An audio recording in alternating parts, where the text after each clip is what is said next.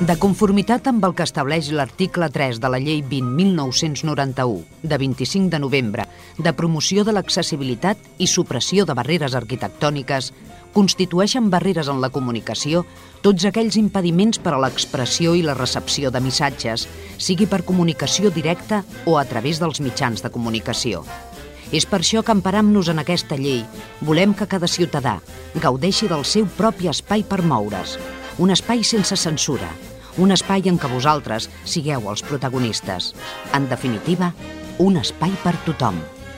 Benvinguts a Espai Vital.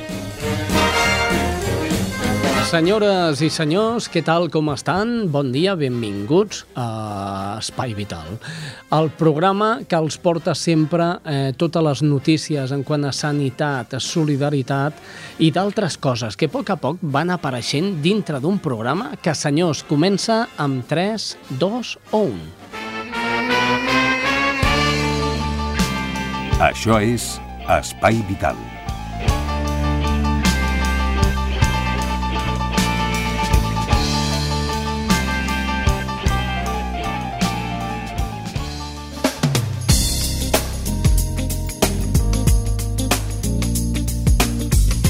Ara l'Espai Vital toca parlar d'una malaltia, més concretament de diferents malalties.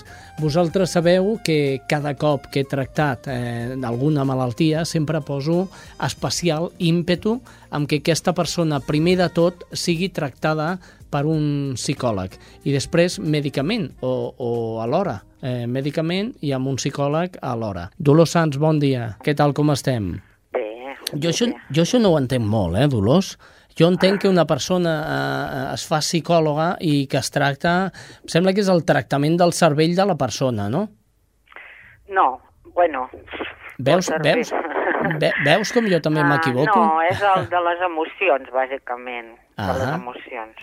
Molt. Almenys en el meu cas, eh? Uh -huh. Perquè després dins de l'àmbit de la psicologia hi ha moltes eh, possibles sortides, per exemple, recursos humans, eh, selecció de, per, de personal, neuropsicologia, bueno, moltes, moltes que ara no tampoc no, no podria enumerar, però és un, és una àrea de l'estudi del treball que en un principi és molt oberta i després cadascú ha d'anar buscant el camp en el qual vol ser bueno, vol, vol, ten, vol estar més format o vol treballar sobre aquell tema en concret. I entenc que el teu camp és psicologia de la discapacitat, que no ho havia Bueno. sentit mai, eh, jo això? Bueno, això té una història. Eh, No, això és un, un curs de postgrau que es va, el primer curs de postgrau que es va organitzar, que organitzava l'Institut Goodman a Barcelona, això ja fa bastants anys, devia ser cap a l'any 94 o així, si no recordo, o 95, si no recordo malament. I mm, es va organitzar, va ser la primera vegada que es feia aquest curs i es va anomenar Psicologia de la, de, de la Discapacitat i la Rehabilitació. Després em sembla que l'Institut Goodman ha fet ja coses més extenses i tu saps, bueno, suposo que algun, bastantes persones hauran sentit a parlar de l'Institut Goodman, és un, un, un hospital on s'atenen persones que tenen Bé, que, fonamental, que fonamentalment mm, van amb cadira de rodes. Bueno, sí, persones que han tingut traumatismes o, problemes neurològics, sigui per traumatisme, sigui per alguna malaltia i que ha implicat una pèrdua de, de funcionalitat, en algun Mhm. sentit. Ah. Eh, D'aquí aquí comença el tractament, Sí. el tractament teu, no? Jo vaig començar a estudiar per aquesta... Bueno, estudiar, després de la, de la carrera, de la llicenciatura, vaig començar per aquí, per pura casualitat. I, no? I pel que veig és que has escollit eh, eh, una faceta que, que per molta gent encara és molt desconeguda, que és l'esclerosi múltiple. Tot i Sí. que ja se'n va sentint a parlar cada cop més, eh, eh, és un camp una mica difícil de que la gent entengui. Eh, l'esclerosi múltiple ha d'acabar sempre amb discapacitat? Jo no podria respondre aquesta pregunta. No necessàriament ha d'acabar amb discapacitat. Uh, però bé, és una malaltia crònica mm, i és una malaltia que en molts casos té una evolució que pot implicar, pot implicar algun tipus de discapacitat. Una discapacitat no vol dir una cadira de rodes, no, sinó que vol dir alguna eh, limitació que es pot compensar d'alguna manera, Mm -hmm. moltes vegades, eh, però sí que pot implicar alguna limitació. Discapacitat mm, no vol dir eh, no poder, sinó discapacitat vol dir necessitar alguna, alguna mena de compensació per continuar fent la mateixa cosa que aquella persona podia fer fins a un determinat moment. Dolors, has tractat amb molts malalts eh, d'esclerosi múltiple? Jo en conec molts, sí, És a, dir, molts. és a dir, que n'has tractat molts, no?, per entendre? Sí, bueno, sí, tractats... A... Sí, bueno, tu suposo que et refereixes a tractat d'una forma col·loquial, no, no et refereixes a un tractament, no? No, no, no, clar, clar. Sinó conèixer. Sí. sí, conec moltes persones amb esclerosi múltiple perquè mm, mm, jo, com moltes altres persones que treballem a la Fundació, doncs ja portem un rec per sort, no? La Fundació és una entitat que porta molts anys de recorregut i, i hem tingut oportunitat doncs, de, bueno, doncs de tenir eh, demandes per part de persones que tenen aquesta malaltia o de persones que són familiars o amics que Mhm. tenen preguntes i que s'adrecen a vegades a nosaltres per trobar algun tipus de resposta. Sí, conec moltes persones amb esclerosi múltiple. És important, és important, Dolors, la visita al psicòleg un cop et detecta la malaltia? Això és una opció personal. No, però jo pregunto com a professional. Eh, Mm. tu... És una opció personal, és, és dir, per, eh, jo crec que és útil i que pot facilitar les coses. De fet, nosaltres, per exemple, eh, aquí a la Fundació, a l'Hospital de Dia de, de Reus, que és on jo treballo, Mm. eh, tenim un, un petit programa mm, que n'hi diem programa d'educació sanitària per persones recent diagnosticades que vam començar a desplegar arrel de les peticions d'informació que teníem per part de persones que feia poc que estaven diagnosticades i que tenien molts dubtes. I, i clar, hi ha vegades que la persona que, que, bueno, no hi ha vegades, jo crec que és el, el 100% de les persones que reben un diagnòstic d'una malaltia com aquesta, o hi ha altres també, però bueno, nosaltres parlem d'aquesta, té molts dubtes, molts interrogants, i aquests interrogants i dubtes, doncs, a vegades tenir un interlocutor a qui adreçar-los, doncs és una cosa que la persona agraeix molt, no? Uh, nosaltres aquí aquest programa el fem una companya meva que és infermera i jo que sóc psicòleg Ah, i, i llavors doncs eh, en aquest sentit jo pròpiament no faig una intervenció de psicoteràpia, sinó que faig un acompanyament en, en tot el procés d'adaptació a la malaltia, que és llarg i dificultós, sobretot al començament.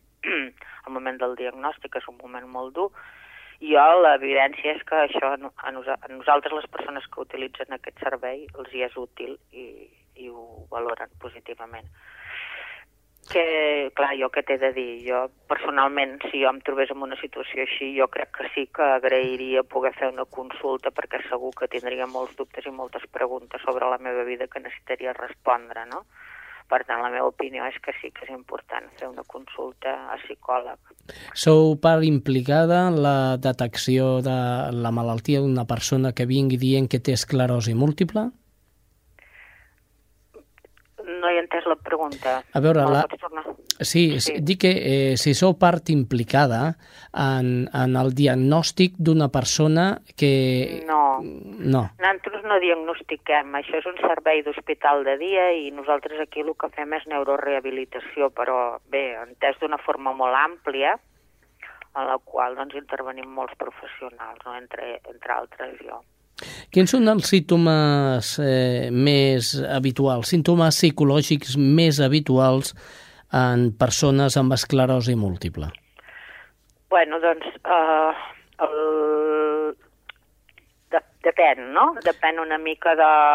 Aquesta és una malaltia llarg recorregut i en cada moment, mm, doncs, eh, la persona fa un esforç, sobretot a l'inici, fa un esforç molt gran d'adaptació i aquest esforç molt gran d'adaptació, que nosaltres n'hi diem pair, així en termes col·loquials, o elaborar, així en termes més, més, més tècnics, tècnics no? Mm -hmm. Sí. Uh, tot aquest procés d'elaboració doncs, és un procés costós a nivell de, de que aquella persona necessita molta energia per dedicar-s'hi i per resoldre-ho, no? Uh, tot aquest moment, aquest moment inicial, doncs els símptomes més el que més freqüentment la persona expressa és molta inquietud, por, ansietat, no? El que en diríem ansietat, no? Que és por, incertesa, inquietud, eh, també pot bueno, pues, tristesa, no? Però lo primer, la primera primera resposta és d'angoixa, no? De, de, de, què passa, què passa, no? Una por molt gran.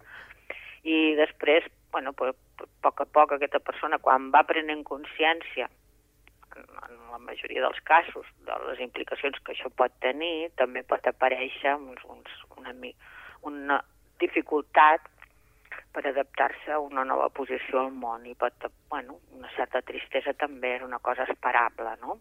Dolors, i una pregunta que normalment amb, amb malalts uh, crònics eh, es, es solen fer ells mateixos és per què jo, no?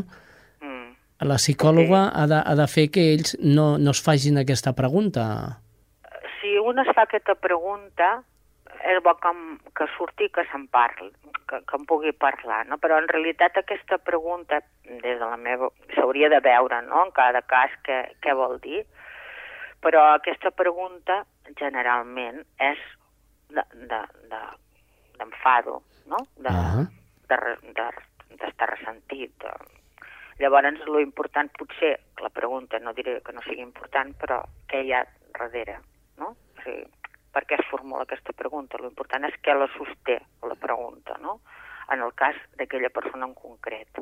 Parlem d'esclerosi múltiple, per tant, eh, moltes variants o excepcions d'aquest terme, el, el per què jo, eh, amb esclerosi múltiple n'hi pot haver poca ja, eh? Home, jo crec que la, el que s'esperaria no, d'una intervenció des de l'àmbit de la psicologia respecte a una persona en què està immersa en aquesta qüestió de, de, de que no està d'acord amb el que li ha passat, no?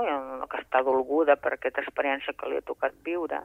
Uh -huh. uh, la, la feina que se suposa que nosaltres podríem fer seria un acompanyament perquè aquesta persona uh, sigui capaç de trobar sentit a la seva vida en aquesta nova situació.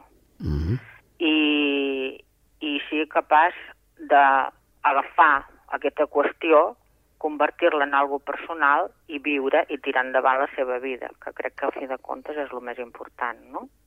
Uh, perquè infortunis, o sigui, l'infortuni humà té tantes cares, no? L'esclerosi múltiple n'és una, però ningú està lliure de patir uh, circumstàncies vitals -huh. comprom compromeses, no? que el comprometen a ell com a persona.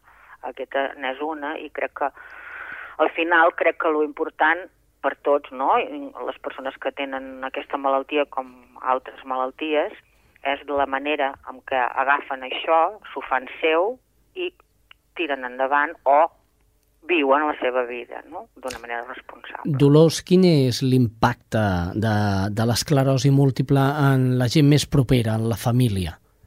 És important, pensem. Bueno, no pensem.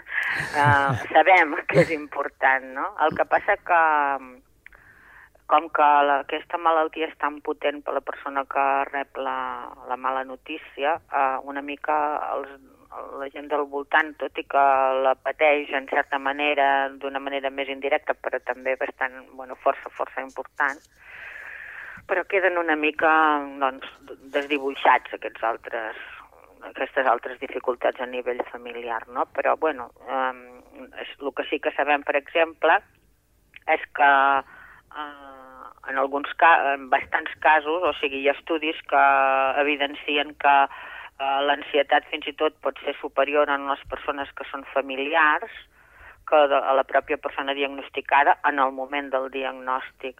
I també hi ha estudis que mm, posen en evidència que la, les com, comple, complicacions o l'estat d'ànim, és dir, bueno, pues, la sensació de, de cansament, de tristesa, de tot això, són més uh, uh, intenses o més accentuades amb persones familiars que conviuen amb persones que amb esclerosi múltiple que en la resta de la població. No? Per tant, aquí també hi ha mm, una qüestió important que se'ns planteja i que suposo que seria interessant poder donar una resposta també més completa, però que de moment estem intentant, però que suposo que més endavant ho podrem fer.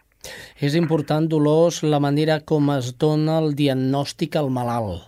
Suposo que des de, a nivell psicològic és importantíssim de com es dona el malalt que en, el primer diagnòstic que et diguin tens esclerosi múltiple és important com donar-lo, no?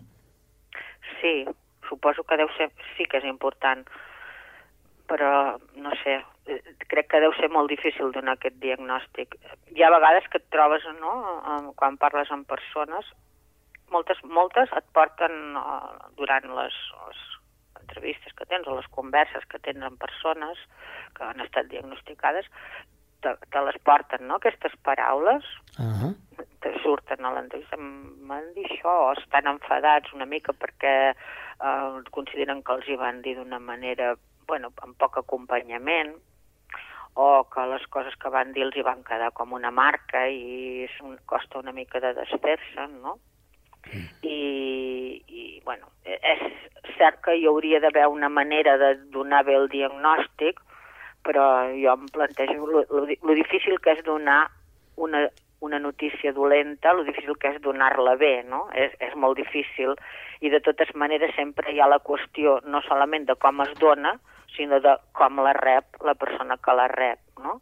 Perquè jo crec que el primer que passa quan a un li donen aquesta notícia és que queda in inundat. O sigui, mm, no crec que es pugui, per processar aquesta, aquesta notícia i entendre les implicacions que té, s'ha de retornar sobre això, retornar sobre això, retornar sobre això, i és un, tot un treball d'elaboració molt difícil, que no sempre cal fer-lo amb un professional, evidentment, però que requereix molta energia i, clar, el nostre sistema sanitari, tot i que doncs, en molts aspectes és bueno, molt, molt, l'assistència que se'ns dona és bona, molt, o molt bona, eh, aquesta qüestió de disponibilitat per l'acompanyament és una cosa que bueno, eh, és més dificultosa tal com està organitzada la sanitat actualment. No?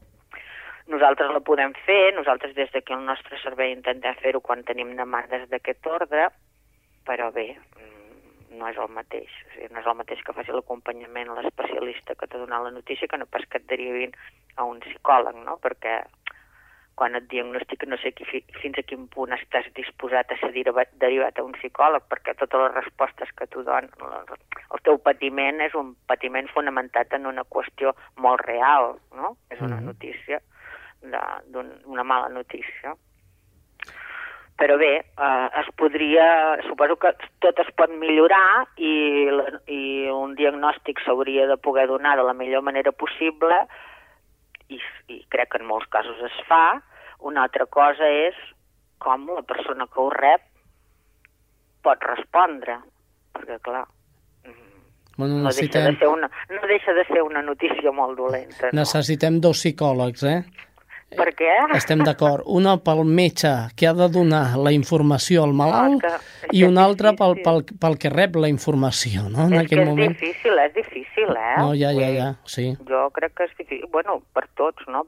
Clar, més per la persona que pateix la malaltia, evidentment, no? Perquè se'n va cap a casa seva amb això. Mm -hmm. Però, sí, sí. I el, fotut, difícil. I el fotut és que has de viure molts anys amb ella, eh? Sí, Eh, sí, sí. Jo en dic sí. de vegades estimar-la, no?, la malaltia. És una manera bueno, d'acceptar-la. És una bona...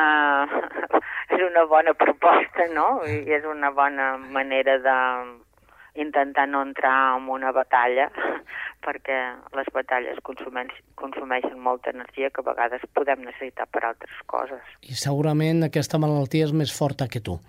Mm, És, és... Bueno, no ho sé. No, dic, dic, dic, per si tu t'ho planteges, eh, la malaltia és més forta que tu en aquest moment. I, I més val no lluitar en contra d'ella, sinó fer-se amiga d'ella. És el que Mm. volia dir, eh, Montse? Sí, sí. Hi ha persones que m'ho com, han comentat, això. Sí, Ahà. no és la primera vegada que ho sento. Sí. Doncs Montse Sans, psicòloga de la Fundació Esclerosi Múltiple, t'agraïm moltíssim que hagis atès els micròfons de d'Espai Vital i t'animem a seguir sent com ets, així, tan natural. Eh? Ah, doncs gràcies, molt bé, moltes gràcies. Adéu, Montse, gràcies. Adéu, adéu, bona tarda. Què passaria si mengessis només una vegada? Que al cap de poques hores començaries a sentir fatiga i mareig. Després et baixaria la pressió i la temperatura corporal. Et sentiries molt feble i perdries el coneixement. Què passa si dones sang només una vegada? Que al cap de pocs dies ens comencen a faltar glòbuls vermells. Després baixen les nostres reserves per fer transfusions. Tot seguit comencem a trobar que ens manquen plaquetes. Així no podem ajudar els malalts de càncer, ni podem atendre emergències. Necessitem que tornis a donar sang, com tu necessites tornar a menjar. Amb una vegada no n'hi ha prou. Vine a donar. Banc de sang.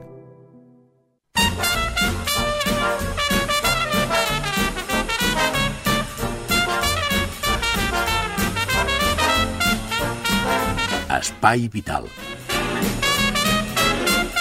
Un programa de ràdio que parla de discapacitat i malalties cròniques. Fem un voltet per conèixer les últimes novetats en quant a sanitat.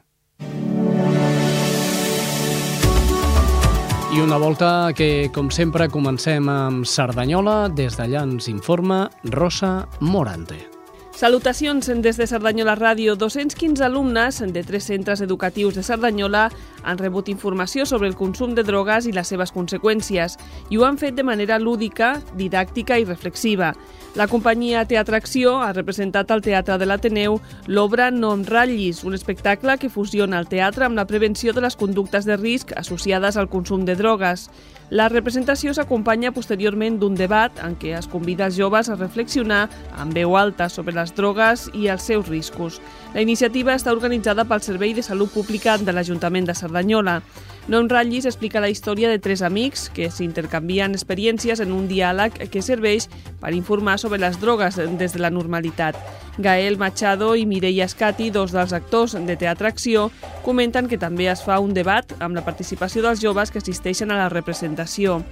No em ratllis es presenta com una eina educativa que complementa i estimula les accions existents que treballen la informació, la prevenció i la sensibilització de les conductes de risc associades als consums de drogues en el nostre municipi.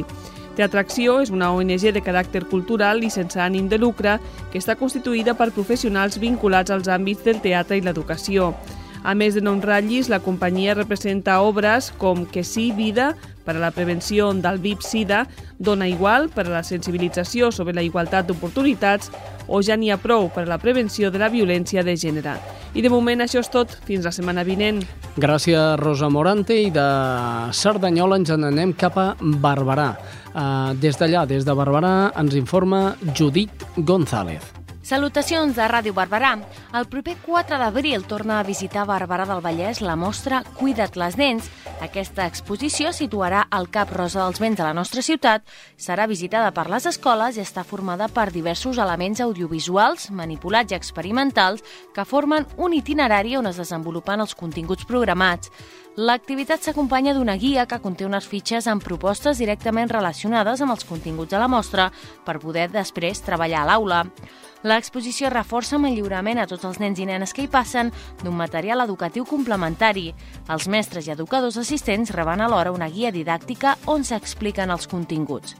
Les exposicions itinerants al Servei de Salut Pública de la Diputació de Barcelona tenen com a objectiu promoure estils de vida saludable. Es cedeixen de manera gratuïta als municipis per períodes quinzenals i són una eina de suport pel desenvolupament de polítiques de salut pública locals. Cal destacar que la mostra visita Bàrbara del Vallès des del curs 98-99.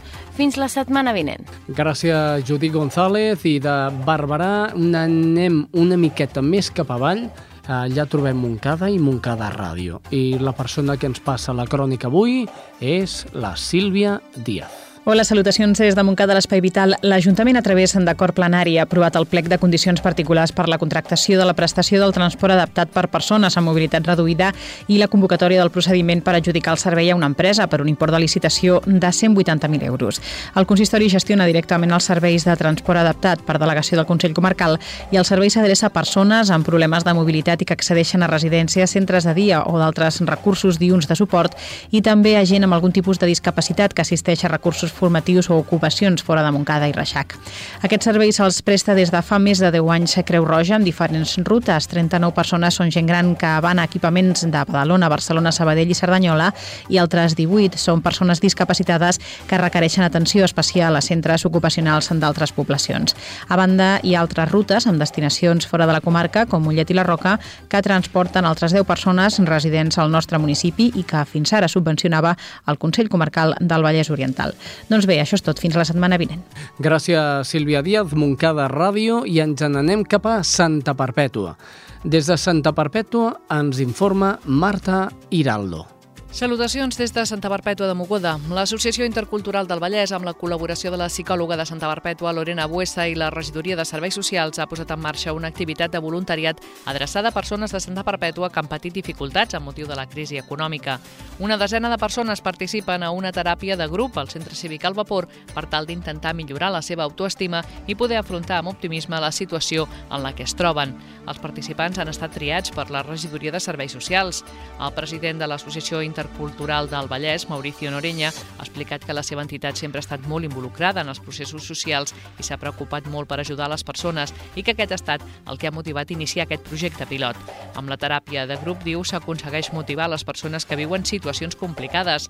D'altra banda, l'entitat treballa actualment en un projecte audiovisual sobre la convivència al municipi en col·laboració amb la Regidoria de Nova Ciutadania i Convivència. L'Associació Intercultural del Vallès organitza a Santa Perpètua unes sessions de teràpia de grup adreçada a persones que han patit els efectes de la crisi. La psicòloga Lorena Buessa és l'encarregada de dirigir les sessions. De moment, això és tot des de Santa Perpètua. Fins aviat.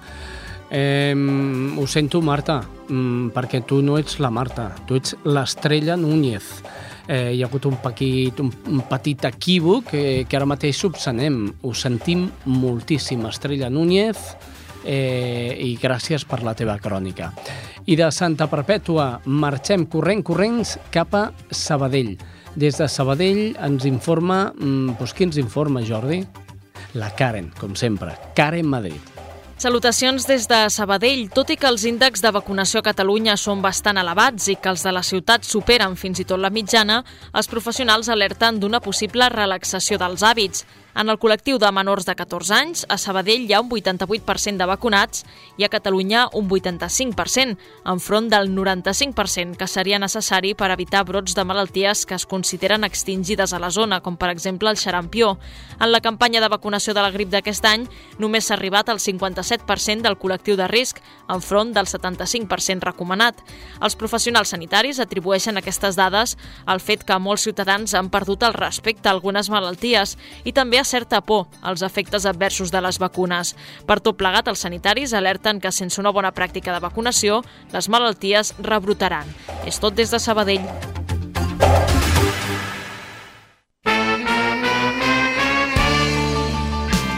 Això és Espai Vital. I ara a l'Espai Vital volem recuperar una entrevista d'un gran amic, el Lluís Ricard, des de Ràdio Barberà, una entrevista per parlar d'una gala solidària. Escoltem-la. Ara és l'hora de parlar amb la Beatriz Cano del Gimnàs Boncai de la gran, de la gran vetllada, de la gran gala benèfica que s'està preparant pel proper 13 d'abril. Avui us farem el primer tastet, però en parlarem d'aquí el 13 d'abril diverses vegades perquè us, us insistirem molt en què participeu anant a la gala o si no hi podeu anar participant de, de la col·laboració i, i aportant la vostra col·laboració en aquest projecte solidari amb la Fundació Don Caballo. Jo us deia que ja s'havia fet una gala benèfica amb aquesta fundació i no recordo si va ser fa dos anys, dos anys. o fa dos anys. Beatriz, bon dia. Bon dia, bon dia. Fa dos anys, l'any passat anys. no l'anterior. L'anterior, sí.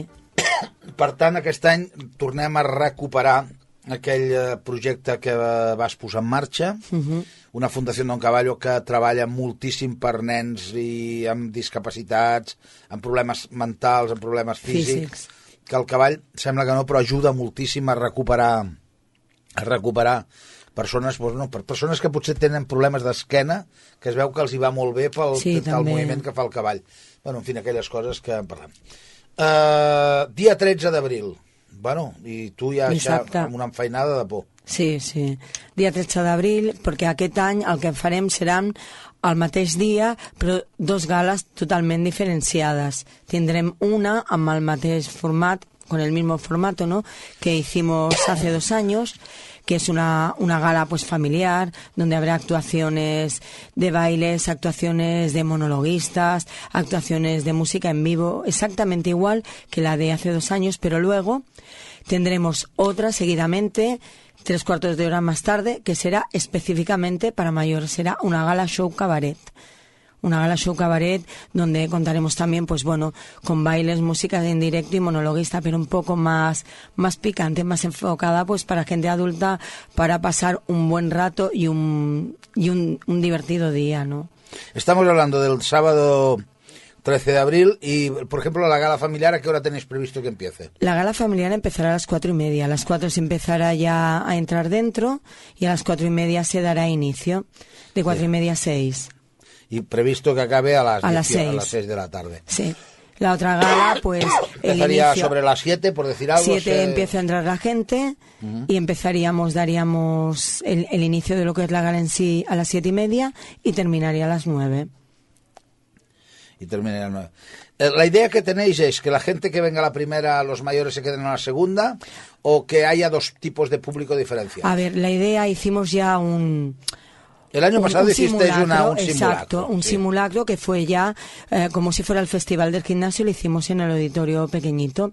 Entonces, la idea es, eh, si quieres asistir a las dos galas, eh, son 15 euros, si solo asistes a una gala, son 10 euros, exactamente igual que, que valía hace dos años. Por eso hacemos dos, para intentar recaudar algo más de fondos sin que sea un coste adicional para las personas, ¿no?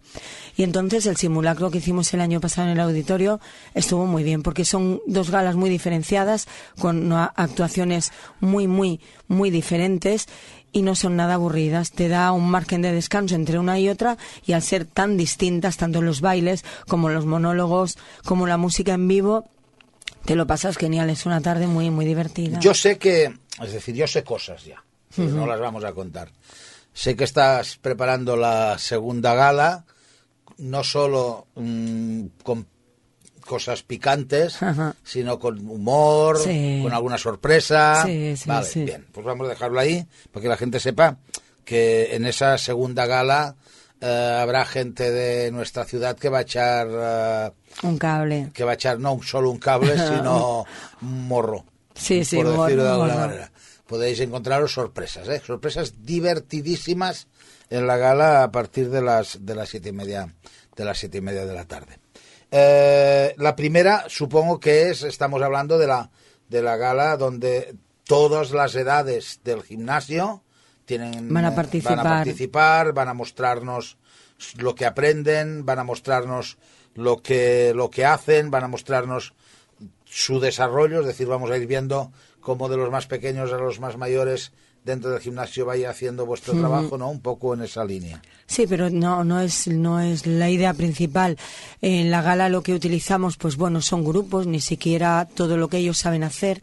La idea es de que participen todos los niños, pero eh, sin poner eh, especial énfasis en sacar solo la que lo hacen mejor, porque la idea es que se vea una una variedad muy grande de, de espectáculos, con lo cual también la participación de otra gente de Barbará y gente de fuera en cuanto pues a monólogos, a música en vivo y alguna gente más que viene a hacer pues algún tipo de coreografía, porque no queremos que sea un festival del gimnasio, sino que sea un festival de la ciudad, que nosotros lo que hacemos es un proyecto que queremos llevar pues cada dos años a término y recaudar los máximos fondos posible, que sea una gran fiesta de, de la ciudad y que todos participemos y esperamos que como mínimo salga como la de hace dos años, que, que realmente fue espectacular, tanto por nivel de participación, de recaudación y como actuación. La gente que vino, pues estaba muy contenta y está esperando que se haga la segunda edición, ¿no? 13 d'abril comenceu a planificar per l'agenda 13 d'abril, gran gala del gimnàs Bunkai, solidària amb la Fundació Don Caballo. Nosaltres, quan tinguem les dades d'on podeu treure les entrades amb anticipació. Demà ja. De, a partir de demà sí, al sí. propi gimnàs. Sí, a partir de mañana las entradas ya están a la venta, son numeradas. Deciros que ese dinero que vais a, a dar por esas entradas no es a cambio de nada, sino en principio vais a ver un espectáculo súper digno, mmm, comparable a cualquier espectáculo que podáis ir a ver a Barcelona, por un precio mucho más módico y que el dinero íntegramente que se recaudan de las entradas va a parar a la Fundación Don Caballo, que aparte eh, de ser una fundación que, que da cabida a, a, a, niños ¿no? con discapacidad, también tienen un centro de día para gente mayor de grandes discapacitados, que ese dinero se traduce en sesiones de hipoterapia, que no es, siempre lo digo, no es para dar de comer a los caballos o para pagar la luz de, de la fundación, sino que si recaudamos 6.000 euros como el anterior, eso se tradujo en 254 sesiones de hipoterapia para niños con discapacidad de Barbará del Vallés y para un colegio de educación especial que está en Mollet.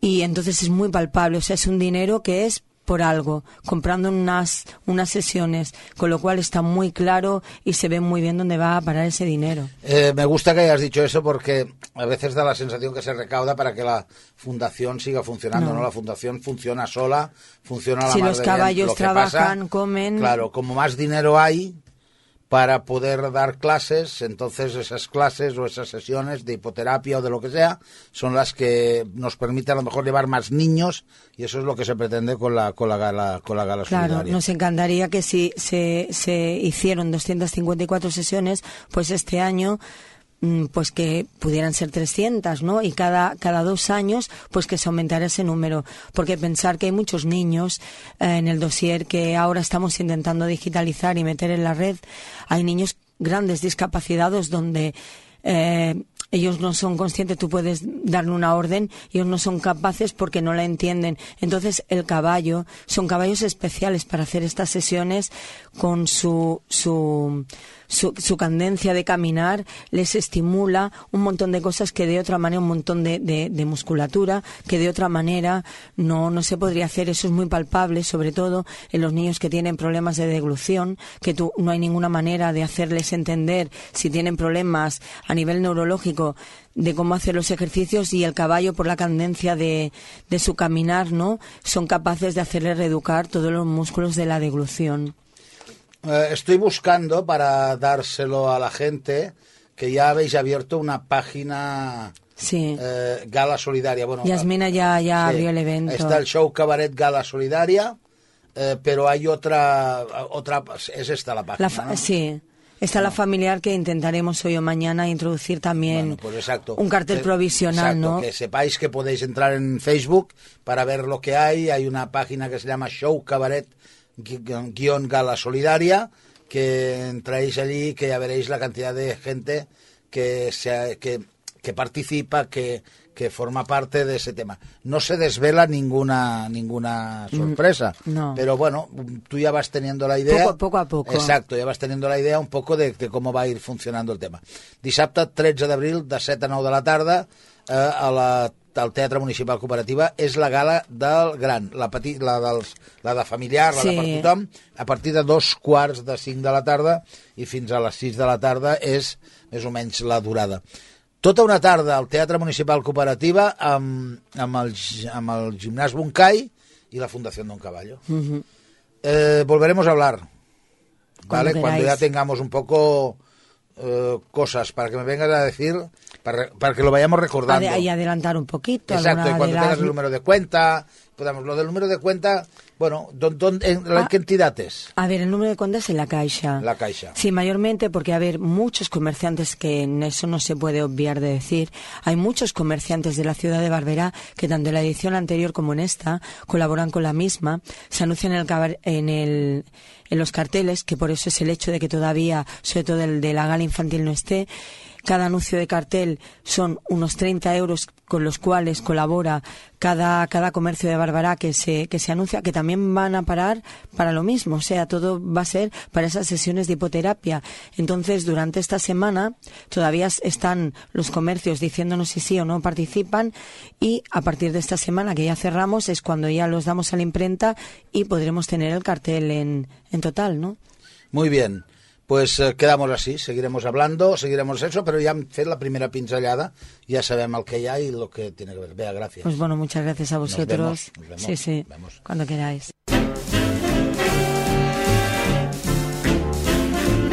Estàs escoltant Espai Vital. I ara a l'Espai Vital el que toca és escoltar el 14è capítol del Món Groc. A continuació us oferim El món groc, una obra d'Albert Espinosa, versió radiofònica produïda per l'associació Espai Vital.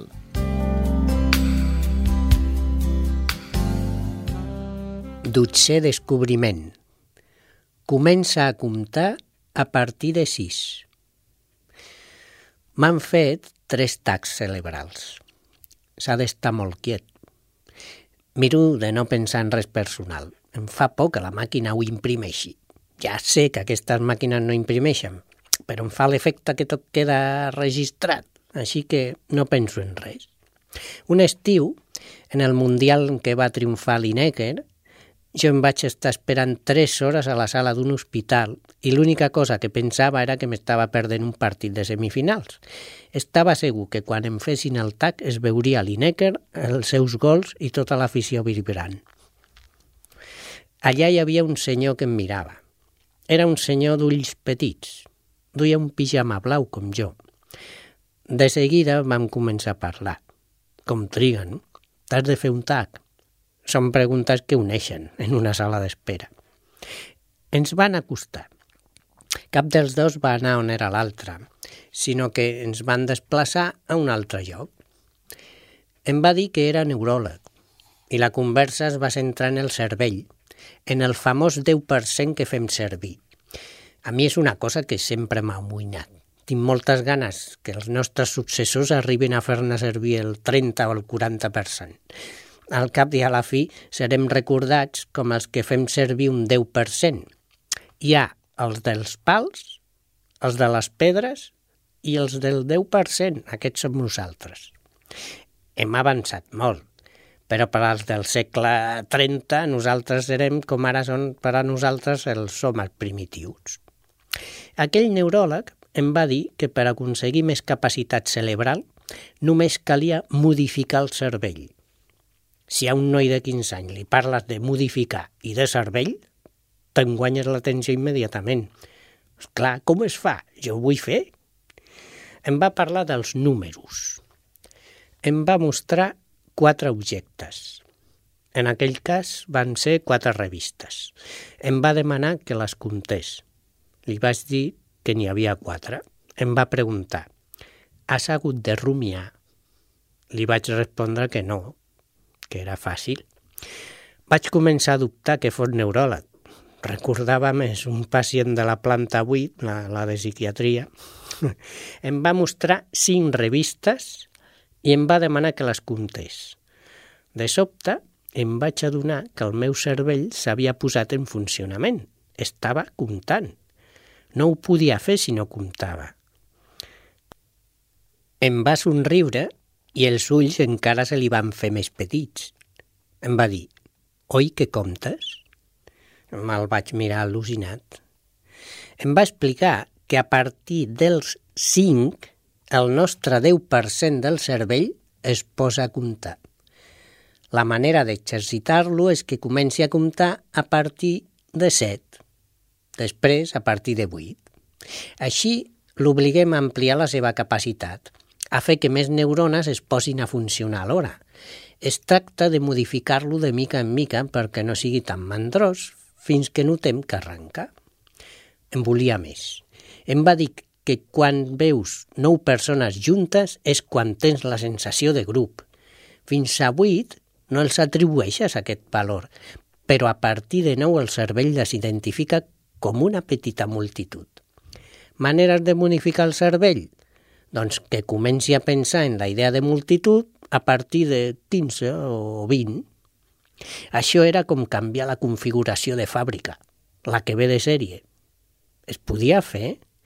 Em va explicar que estàvem parlant d'un cervell, per la qual cosa la configuració de fàbrica no existia i tots els canvis eren possibles.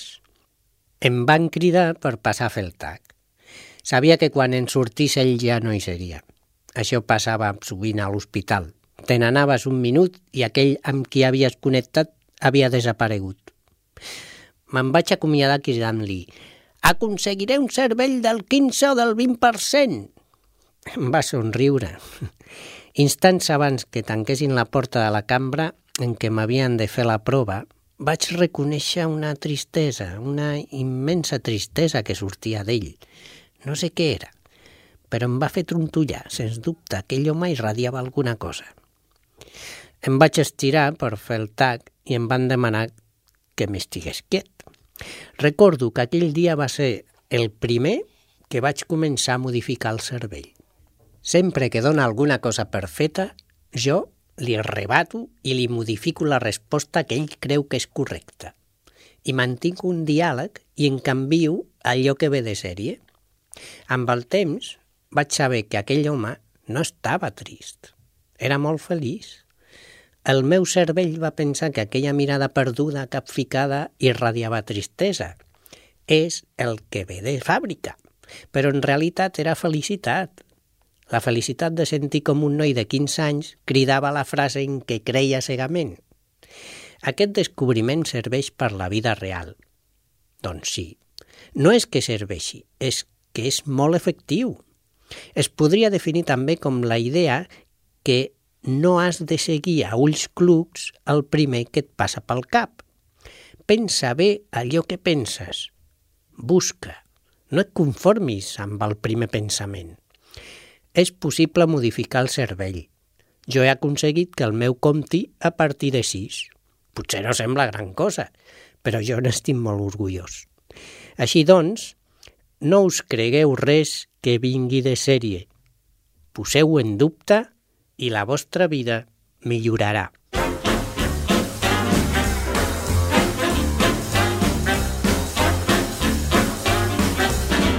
Espai Vital, el primer programa adaptat de les zones. I el, i el primer programa que s'escolta a tot el Vallès Occidental. Senyors, anem amb la cuina.